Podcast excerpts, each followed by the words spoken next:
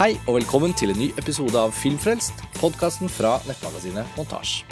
Mitt navn er Karsten Meirik, og jeg sitter her i dag sammen med Lars Ole Kristiansen. Hei, Karsten. Hei, Lars Ole. Nå er vi jo litt sånn tilbake i sånn godt gammeldags podkastmodus, for dette er en episode vi tar opp over Skype. Vi har begge på hver vår kant fått sett det som er månedens film på Cinemateket i Oslo. Den japanske animasjonsfilmen Makia, When the Promised Flower Blooms. Regissert av Mari Okada, eller Mari Okada, som jeg sa. En kvinnelig japansk regissør som debuterer med denne animerte spillefilmen.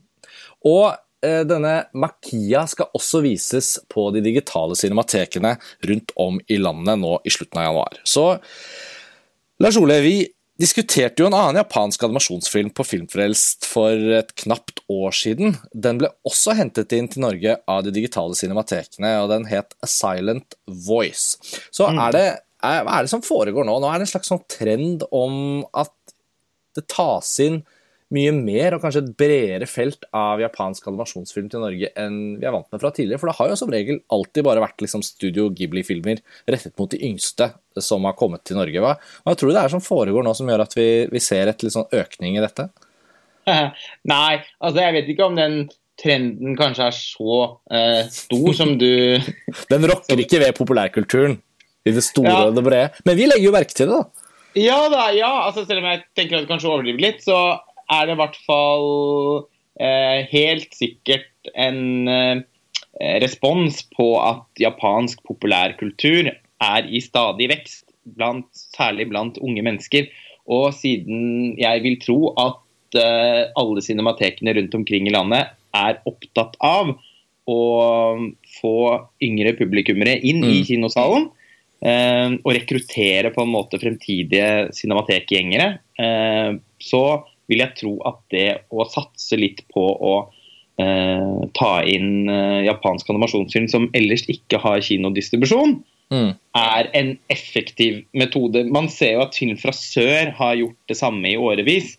De viser jo også masse japansk animasjon, og jeg pleier gjerne å snike meg inn på noen av de visningene eh, fordi, ja, fordi, at jeg er interessert i japansk film. Ja. Eh, og jeg har jo eh, registrert at, eh, at det er et veld, en veldig, altså Gjennomsnittsalderen på de visningene der er betraktelig yngre enn på så å si alle de andre film...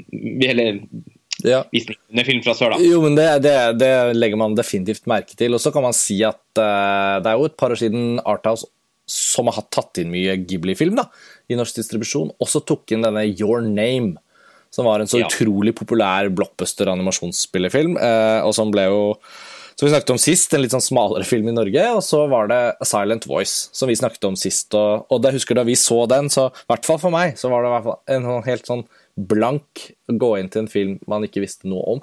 Og jeg må innrømme at det minte litt om det denne gangen også. At um, det er jo veldig gøy å, å plukke sånne filmer som på en måte kommer litt fra venstre. Det har vært på festivaler og sånn, men ikke helt på de festivalene vi har gått på. Og så når cinematekene nå, og ikke minst Cinemateket i Oslo, altså den har vært vist eh, 12-15 ganger der. Hvis nå bare ser en lang liste av visninger her på skjermen min, og, og den begynte å bli vist allerede 4.1, så kanskje mange av lytterne våre har vært og sett den allerede. Men den, den var i hvert fall ikke på min radar før nå.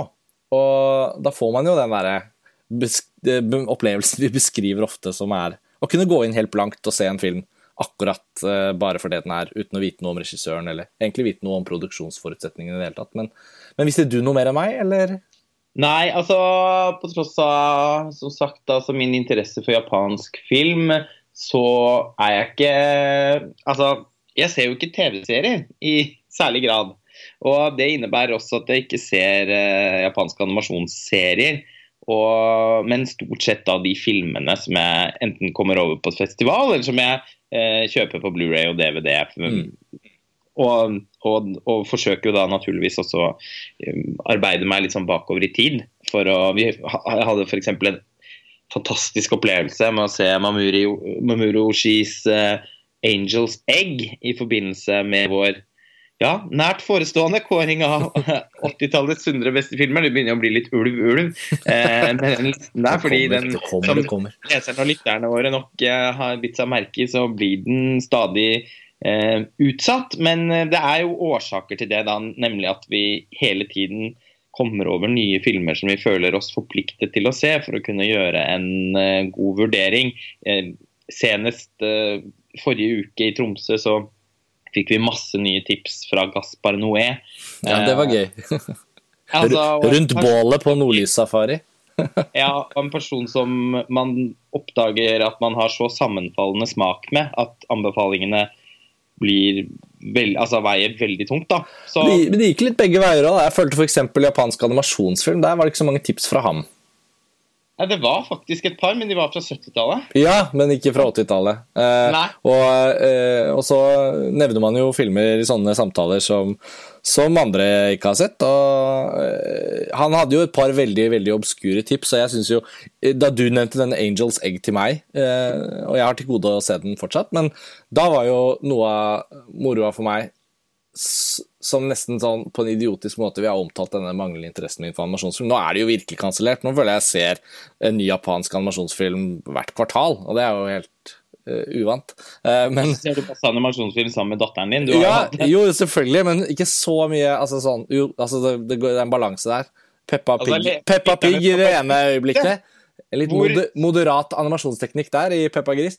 Og så i det andre øyeblikket så ser vi Laputa, himmelslottet, denne fantastiske eh, Ghibli-filmen som, eh, som faktisk jeg tenkte ganske mye på nå da vi så denne Makia. Eh, vi burde kanskje fortelle litt mer om filmen vi skal snakke om. Eh, men det føles riktig uansett å, å, varme opp med en form for intro, en inngang til hvorfor akkurat denne filmen er, er eh, tema i denne episoden. Men Lars Ole, hvis vi, hvis vi først trekker en tråd mellom A Silent Voice og Makia, så føler jeg vel at det nesten ikke er noen paralleller, bortsett fra at det er en japansk animasjonsfilm, og at det på en måte er et anime-univers, og at det er en kvinnelig regissør. Men innholdsmessig er de jo veldig langt fra hverandre. Ja, kunne ikke vært mer forskjellig. Denne er jo da produksjonsselskapet til PA Works, og dette er visst den første kinofilmen som de har laget. Og det er jo da ikke et altså sånn eh, Studio Ghibli snakker man jo alltid om, selvfølgelig, men man har jo også altså Production IG og Manga Entertainment. og det finnes jo, det, For meg så var ikke dette noe eh, på en måte av litt sånn opplagte årsaker, da, ikke noe eh, kjent eh, produksjonsselskap. Og eh, i likhet med deg så møtte jeg denne filmen uten å egentlig vite noe som helst. Det er jo mm. da en fantasyfilm. Skikkelig òg. Virkelig. Det er uh, game, animert Game of Thrones. ja, altså Jeg måtte slå den opp på Wikipedia, og uh, sjang, jeg må bare lese høyt. Sjangerbeskrivelsen de har lagt ut der, eller noen har lagt ut der, er at dette er en Japanese animated high fantasy dramafilm. Uh, altså, high fantasy, det var nytt for meg. At det er noe som liksom ikke bare er det fantasy, men det er high fantasy morsomt. Jeg har ikke hørt det begrepet før. Eh, kanskje er det velkjent for noen, men det var ikke det for meg. Da måtte jeg bare le litt, for den er jo faktisk veldig sånn fantasy med stor F. Virkelig, og øh, den utspiller seg i øh, en verden bestående av flere kongeriker. Uh, og det vi ender opp med å tilbringe mest tid i, har en sånn europeisk middelalderestetikk. Uh, som ja, på en måte som, som skaper assosiasjoner til liksom, Brødrene Grims eventyr, eller noen av og ikke minst noen av Disneys eh, animerte filmer da, av typen eh, 'Skjønnheten og udyret' ja, uh, ja. osv. Det var for så vidt egentlig veldig morsomt. Jeg må bare, bli, jeg må bare ramse opp en bitte liten, bitte liten stripe med referanser. Ettersom filmen var på en måte bare en helt oppdagelse, jeg visste ikke noe om på forhånd, så merket jeg hettegane. Um, Makia den hadde liksom en bit 'Flesh and Blood' av Paul Verhoeven. Og den hadde en bit av 'Curious Case of Benjamin Button' av David Fincher. Og, og, ja, og, litt Game of Thrones, og der tror jeg vi begge er enige at det føles som en veldig opplagt referanse, nettopp fordi det er veldig sånn noe med ja, konflikt ja. Det er jo egentlig mer eh, Altså, det er mer presist enn eh, min assosiasjon, som var Back to the Future. Men ja. Det er noe i den nå, det kan vi jo komme tilbake til. Ja. Kan ikke du fortelle da, Karsten, hva filmen handler om? Hva er premisset for handlingen? Ja. Det er på en måte en handlingsdrevet film. Ja, det er det absolutt. Altså, vi sier fantasy, men vi mener jo selvfølgelig også et fantasy-eventyr. Og så går det veldig mye tid i løpet av fortellingen. Så den får en sånn veldig sånn episk strekk også av at det går flere ganger så går det plutselig mange år før vi returnerer til hvor rollefigurene er. Og sånn. Og så er det mye forflytninger, og sånn, og sånn så det gjør jo også jeg vil nødig nevne 'Ringenes herre' her, men det blir kanskje unaturlig å ikke gjøre det også, fordi um, det er mange sånne typiske sånne elementer i spill som, som vi kan uh, tenke på. Men det er jo også en måte å, å, kategorisere film litt, fordi jeg føler at den skriver seg veldig inn i en eksisterende populærkultur fra fantasy-verdenen. Uh, at mm. den på en måte, nesten som en Tarantino-film, på en måte har plukket ideer, plukket uh, motiver litt sånn herfra og derfra. Men fordi Absolutt. den er japa japansk og den er animert med et sånn typisk anime-uttrykk, det, er veldig, lett å gjenkjenne for, for, de som vet veldig lite om animasjon. Så kan man jo si det at uh, har du sett liksom et par frames fra noen japanske animasjonsfilmer og hørt noen snakke om det i fem-seks minutter, så kan du raskt etterpå peke ut på en quiz. Denne er fra Japan, og, og denne er liksom Disney. og og den er fransk, kanskje, ikke sant, hvis man har fått se noen eksempler. Så jeg føler at den lever veldig opp til akkurat det litt sånn enkle, overflatiske måten vi tror noe er japansk animasjonsfilm på. Men fordi fantasy-universet er veldig sånn typisk europeisk middel, middelalder, slott og drager og sånn og sånn Prinsesser i tårn. Nettopp. Prinsesser i tårn. Uh, så slo det meg altså underveis at karakterene kanskje enda mer enn vanlig ser påfallende ikke-japanske ut. Det er noe med anime-uttrykket som uansett ikke er så veldig sånn kan ikke helt fanget opp med én sånn menneskelig etnisitetsbeskrivelse. Det blir liksom sitt eget look. Men her syns jeg det var veldig mye blonde, alvelignende skikkelser og, ja, og sånn typisk sånn nederlandsk-utseende soldater med hjelm og rustning. Nederland? Ja. Ja, men, ja, men skjønner du hva jeg mener? Jeg har jo også og... sett på Forhovens Flesh and Blood rimelig nylig, så apropos 80-tallet. Så det, det, den steg opp litt i hukommelsen min. Men vi får snakke om plottet. Ja. ja. Dette er jo da altså en uh, hovedperson som heter Makia, altså uh, tittelen på filmen.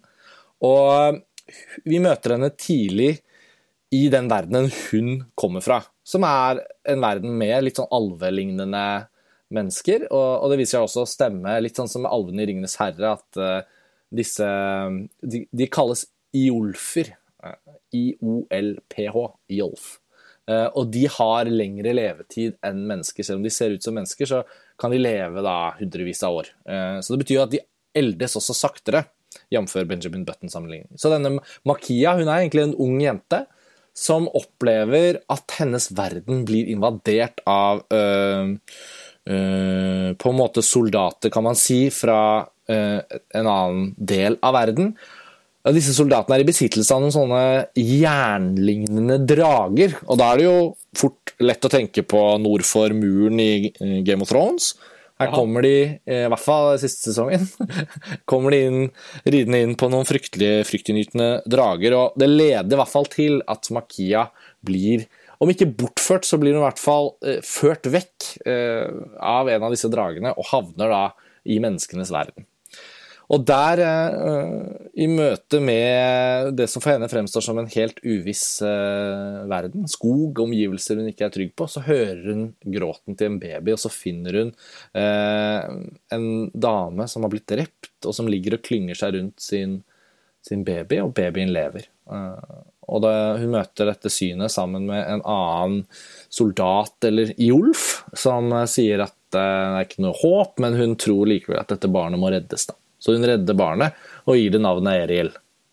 Og denne gutten eh, blir da hennes følgesvenn. altså Hun er jo på en måte moren hans uten å være moren hans. Og fordi hun er da en jolf som, som eldes så sakte, så gjennom fortellingen så blir på en måte denne babyen til en gutt til en mann. Og disse, disse forskjellige rollefigurene følger hverandre, men blir jo, hun blir jo da eh, eh, forbigått på en måte av sin sønn. Og det er egentlig mest bare settingen for hovedpersonen. Så kan man si at det utspiller seg større, en større intrige mellom forskjellige klaner og slott, og det utkjempes en krig. Og det er også denne altså Innad i fantasy-universet så er det også motsetningene mellom de forskjellige etnisitetene, da, disse iolfene og de vanlige menneskene. Og disse metallaktige dragene lider jo også en form for sånn sykdom. Så man får på en måte om ikke medfølelse, så er ikke de bare hjernedøde monstre.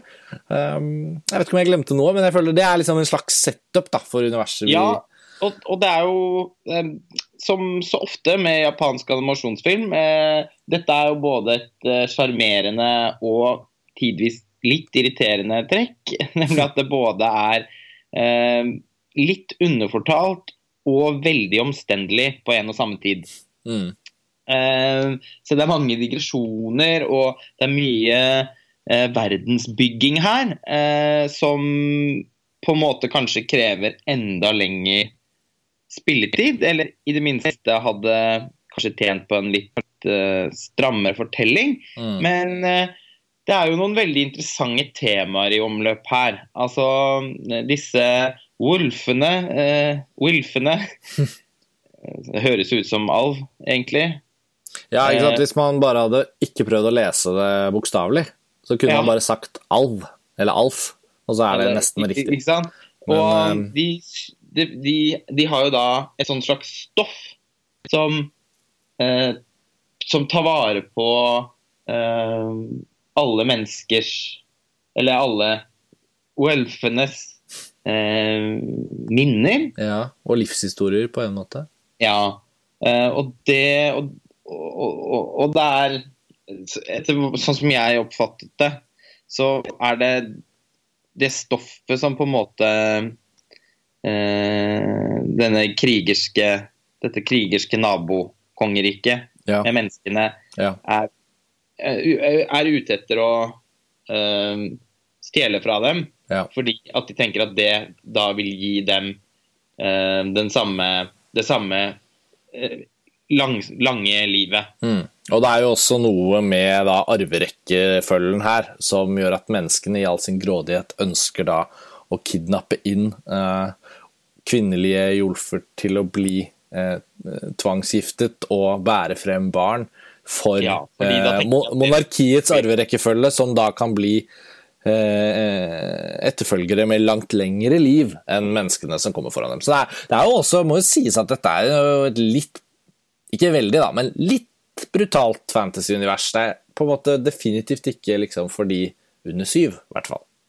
Nei, det kan man trygt si. Og det er ganske altså, sånn når de setter i gang med eh, slag liksom storstilte slagscener og sånn etter hvert, så er det ganske mye blod og, og sånn.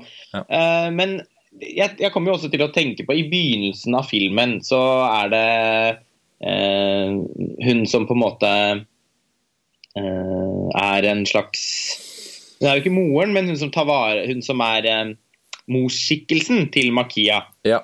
som er gammel og vis. Ja. Eh, hun advarer henne mot å ta kontakt med noen fra menneskeverden, fordi mm. det vil medføre eh, sorg. Mm. Og først så tenkte jeg på den lille havfruen. Mm. Eh, og, liksom, og hun sa også at det ville forvandle henne for alltid. Eh, og så tenkte jeg også på arven og Aragorn i Ringenes herre, da. ja, det er umulig å ikke tenke på. Fordi eh, vi ser jo at hun knytter relasjoner med mennesker eh, som, som hun mot slutten av filmen eh, må erkjenne at eh, er i ferd med å forsvinne. Mm. Eh, og filmen handler jo på en måte på en, av, altså, det er mange eksistensielle temaer i spill her. Jeg føler at filmen på en måte handler litt om vekten av et liv, og, og hvordan et liv kan vektes. Er det et, et livs lengde, eller er det hvorvidt et liv er tilstrekkelig innholdsrikt? Mm. Er det eh, hvorvidt man får barn eller ikke? Som eh, kan, kan Vil livet uansett fortsette eh, hvis man har eh, en del av seg selv i et annet menneske som vokser opp? Eh, det vel, den tar jo også opp det naturstridige ved å forlate sine barn. Eh, hovedkarakteren som da i utgangspunktet vet at hun ikke Det, det, det siste hun skal gjøre, er å eh, bli mor. Og hun blir jo ikke da en bio, biologisk mor, men en, eh, en eh, fungerende mor for denne Ja. gutten som hun Mm. finner, og som hun ikke på noe tidspunkt klarer å forlate, og som hun syns er Og naturlig nok så syns hun jo da det blir veldig komplisert når han blir eldre enn henne. Eh, det var her jeg begynte å tenke litt på eh, til Back to the Future, selv om det eh, situasjonen egentlig ikke er så innmari lik, eh, så vi trenger ikke å jeg, Nei, men jeg syns det er morsomt. Det. Eh, Benjamin Button var i og for seg morsommere, fordi han lever jo baklengs. Mm. Og, og, litt sånn blir, altså, Men på et eller annet tidspunkt så møtes man på midten der. Og det skjer jo også en gang i, i Makia. Ja. Og, og, når sønnen på en måte kommer hjem full som, mm. som Det er ganske morsomt. Ung, eh, tenåring på vei inn i voksenlivet. altså Da er det noen ganske sånn vittige scener der. Eh, men det er på en måte en slags sånn Det er jo én fortelling, men så har man den større fortellingen om at Makia og en eh, gutt som hun vel var forelsket i da hun Altså da hun bodde i Sitt opprinnelige land? Riket, ja. Eh, men, som, men, gutten var forelsket i Makias eh, venninne, som de ondskapsfulle menneskene Kidnapper. har kidnappet for at hun skal eh, bli mor til Altså at hun skal eh, giftes inn eh, i kongefamilien der. Ja, altså, prins. Eh, jeg må jo innrømme at like de, sammensatt som det er å høre deg beskrive det, redde, er det jo å se det. Og så skal de redde henne. ja. Magia og han, og han uh, gutten. Når de forteller veldig raskt i japansk animasjonsfilm, og dialogen går sånn mitraljøsaktig, uh, da kjenner jeg noen ganger at det er vanskelig å henge med. Ja, det, vi har ikke fått anledning til å se filmen mer enn én en gang. Nei. Så det er litt sånn uh, det, jeg er åpen for at uh, vi kan bli Eller jeg er forberedt på at noen kan komme til å arrestere oss i kommentarfeltet her og si at vi forstår en hel masse detaljer. Men likevel så vil jeg da si at øh, det slo meg at filmens bilder og gjennomførte på en måte, hva skal vi kalle det, produksjonsdesign. Altså, altså karakterdesign og plotting og historiefortelling og sånn, mm, det kan, går det an å komme litt sånn inn på. Jeg syns mesteparten av alt dette var ganske bra. Men jeg syns jo virkelig at når, når, denne typen filmer klinker til med noen skikkelig påkostede, storslåtte vistaer i animasjonsteknikken, og man blir jo så imponert over detaljrikdommen her, da, da blir det jo film. Og jeg syns jo det er veldig flott å tenke på at denne filmen på på, sant, i Tankred på Cinemateket kan brette seg ut i, i, i all sin uh, glory, liksom. Um, der er den, syns jeg, tidvis da, på sitt beste når den da både har meg med på plottet, noen ganger faller jeg litt av, men for det meste så er jeg med, og så drar den til skikkelig på bildene. Og det er jo Altså, hun er debutregissør her, og jeg vet at hun Mari Okada har bakgrunn som manusfatter innenfor anime-bransjen i Japan. Både bøker og filmer og serier, tror jeg. Og så har hun liksom klinka skikkelig til her med sin første film. Og den virker jo ikke som noen debutfilm. Nei, slett ikke. Og som du er inne på, altså, den er jo visuelt eh, he, altså, pustberøvende til tider, i hvert fall. Mm. Eh, den har noen helt eh, Altså dette med animasjons... Eh, eller dette med fantasy design det er jo eh, Det er jo vanskelig. Fordi eh, det er veldig enkelt altså, Det skal ikke så mye til før man tipper over i sånn kitsch og litt mm. sånn Jehovas vitner-pamflettaktige tablåer. Mm. Og, og, det skjer av og til her, det, i og for seg. Det er noen sånn litt sånn screensaver-aktige eh, Partier? Bilder. Ja, Eh, men når det er bra, så er det virkelig bra. Altså, designet på de dragene f.eks. er helt fantastisk.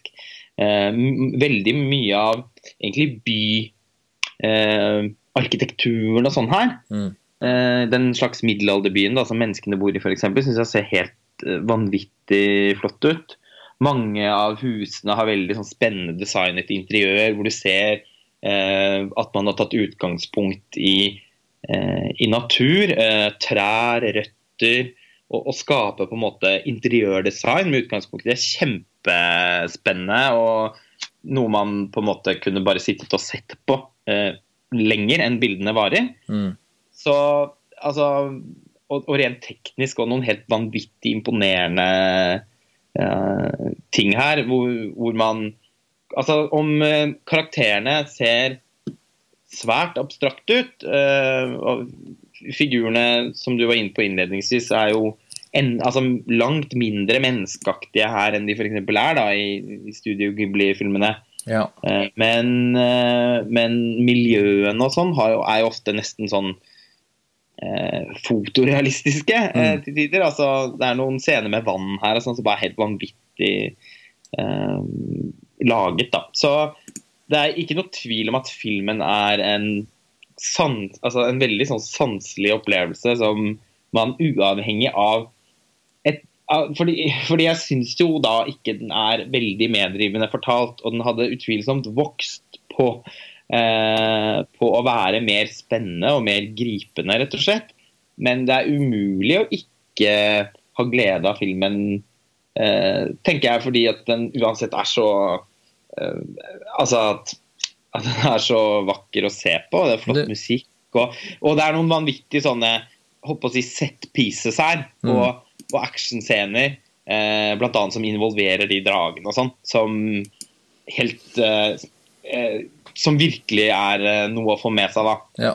Nei, jeg er så enig, og øh, jeg tenker at om det er et sted vi merker at hun Mario Okada kanskje har eh, liksom ting å, ting å bli bedre på, da. Eh, Som jo er Mange debutanter er imponerende med å men har masse mangelfulle ting, men likevel er det overbevisende det de har laget. Men her tenker jeg vel at hun også fordi vi vet hvor komplisert og vanskelig det er å lage særlig sånn episk animasjonsfilm um, i spillefilmformat. Og den er jo på en måte ikke Det er mye animasjonsfilm som er sånn 65 minutter.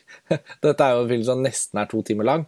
Så det handler jo noe om liksom hele, hele produksjonsapparatet og, og tiden og tålmodigheten som skal til for å, for å meisle ut en sånn fortelling med så mange rollefigurer og alt det der. Så ambisjonene her har jo vært veldig høye.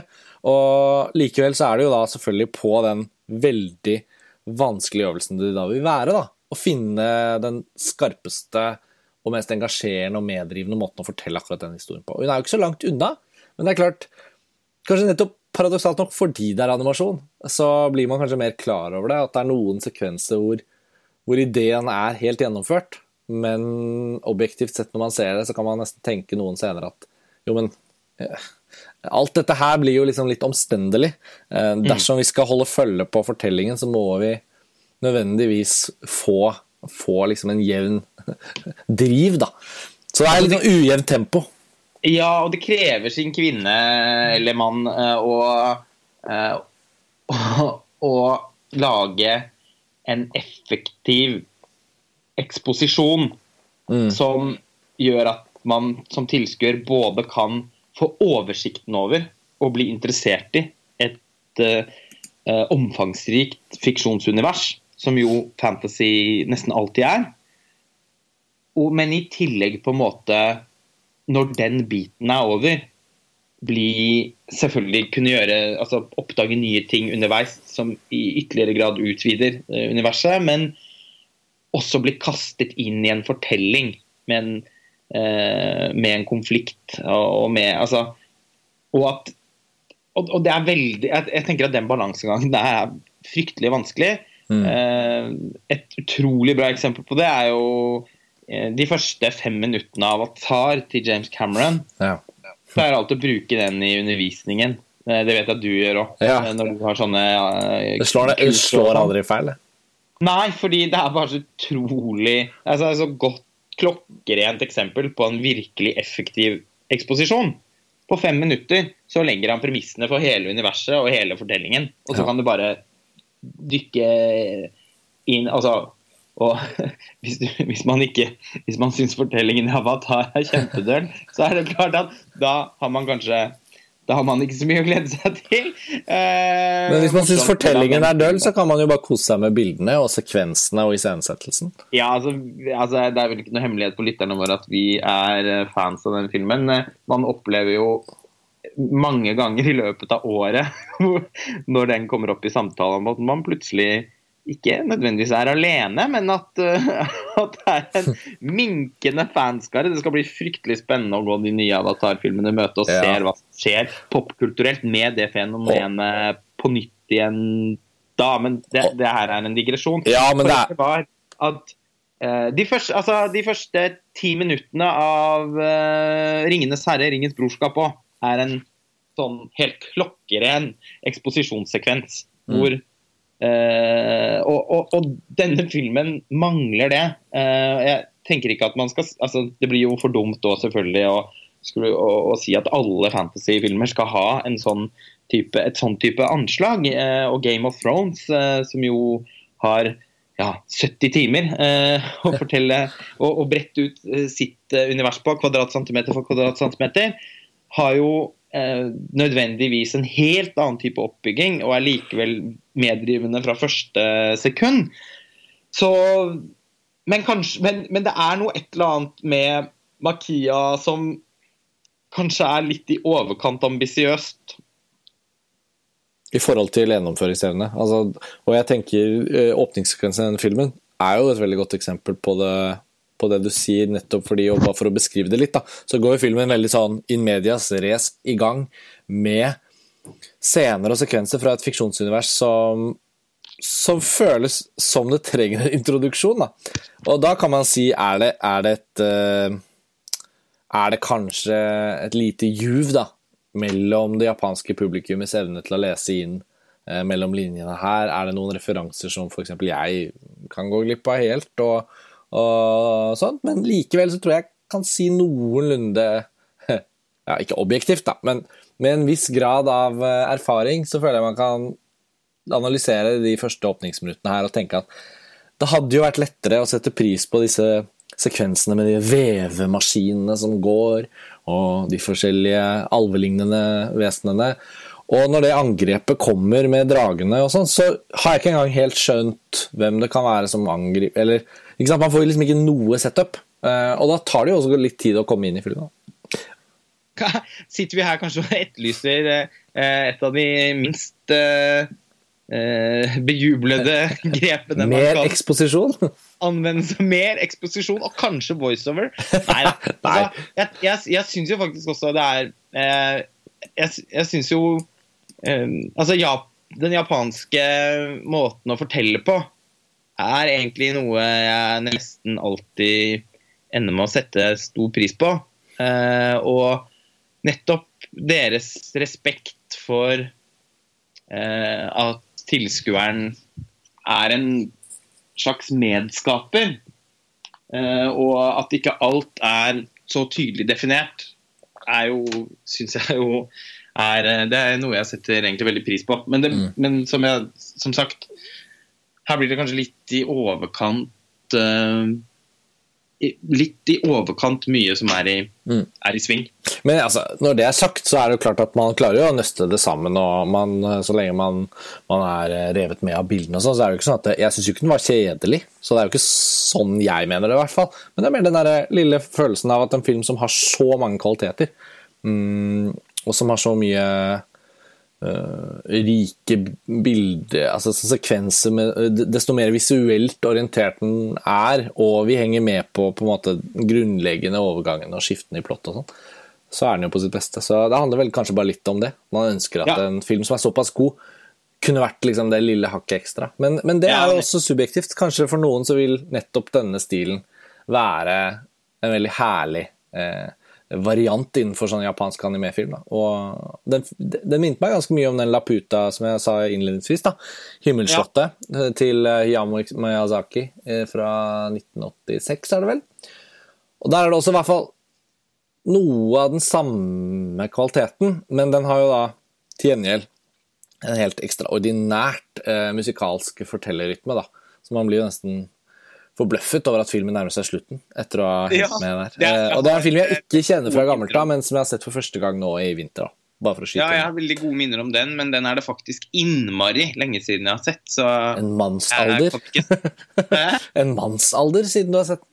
Ja, nesten, altså. Den, den var uh, uh, Og jeg har bare sett den, i motsetning til en, mange av de andre Miyazaki-filmene, så har jeg nok bare sett den et par ganger, tror jeg. Mm.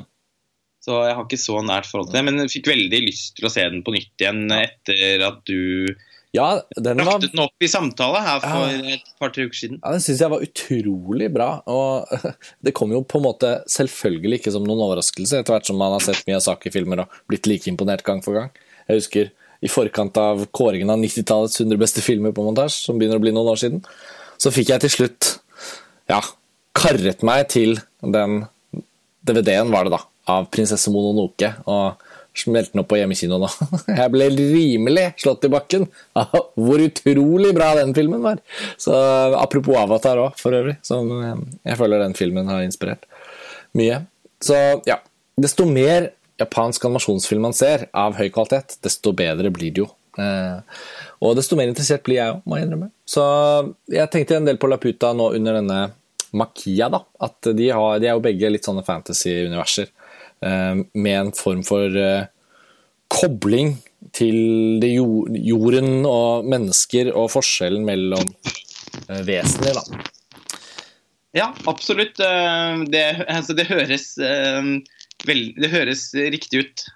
Nei, Vi kan vel egentlig avslutte da med å konkludere her rundt det at filmen først og fremst besitter noen av de kvalitetene man alltid setter pris på når man ser sånne storslåtte japanske animasjonsmiljøer. Jeg føler den lever opp til alle de hvert fall forventningene jeg begynner å få, etter hvert som jeg blir bedre kjent med, dette universet, eh, om at man skal få nettopp storslåtte, fantastisk animerte bilder, og ofte veldig sånn oppfinnsomme fiksjonsunivers. Og det er jo også tilfellet her, da. Absolutt. Og en, altså en, uansett hvordan man vender og vrir på det, er virkelig en kinoopplevelse. da. Mm. Så mer verdt å få med seg enn ikke. Ja. Den er altså ute på de digitale cinematekene i syv norske byer nå i slutten av januar. Sjekk visningstidene eh, der du har ditt cinematek. Eh, og som sagt, I Oslo så har den jo allerede vært vist i flere uker. Sikkert mange av lytterne våre som har sett den der. Eh, men det er fortsatt visninger igjen. Så Inntil videre så er dette mulighetene, og etter hvert så slippes den sikkert på DVD og Blu-ray osv. i et land med engelsk tekst eller engelsk tale, så da lar det seg gjøre. Ja. vi får avslutte episoden. Takk for at dere hører på Filmfrelst som alltid, og vi er straks tilbake med nye episoder. Lars Ole, takk for denne gang. Takk for det. Ha det bra. Ha det.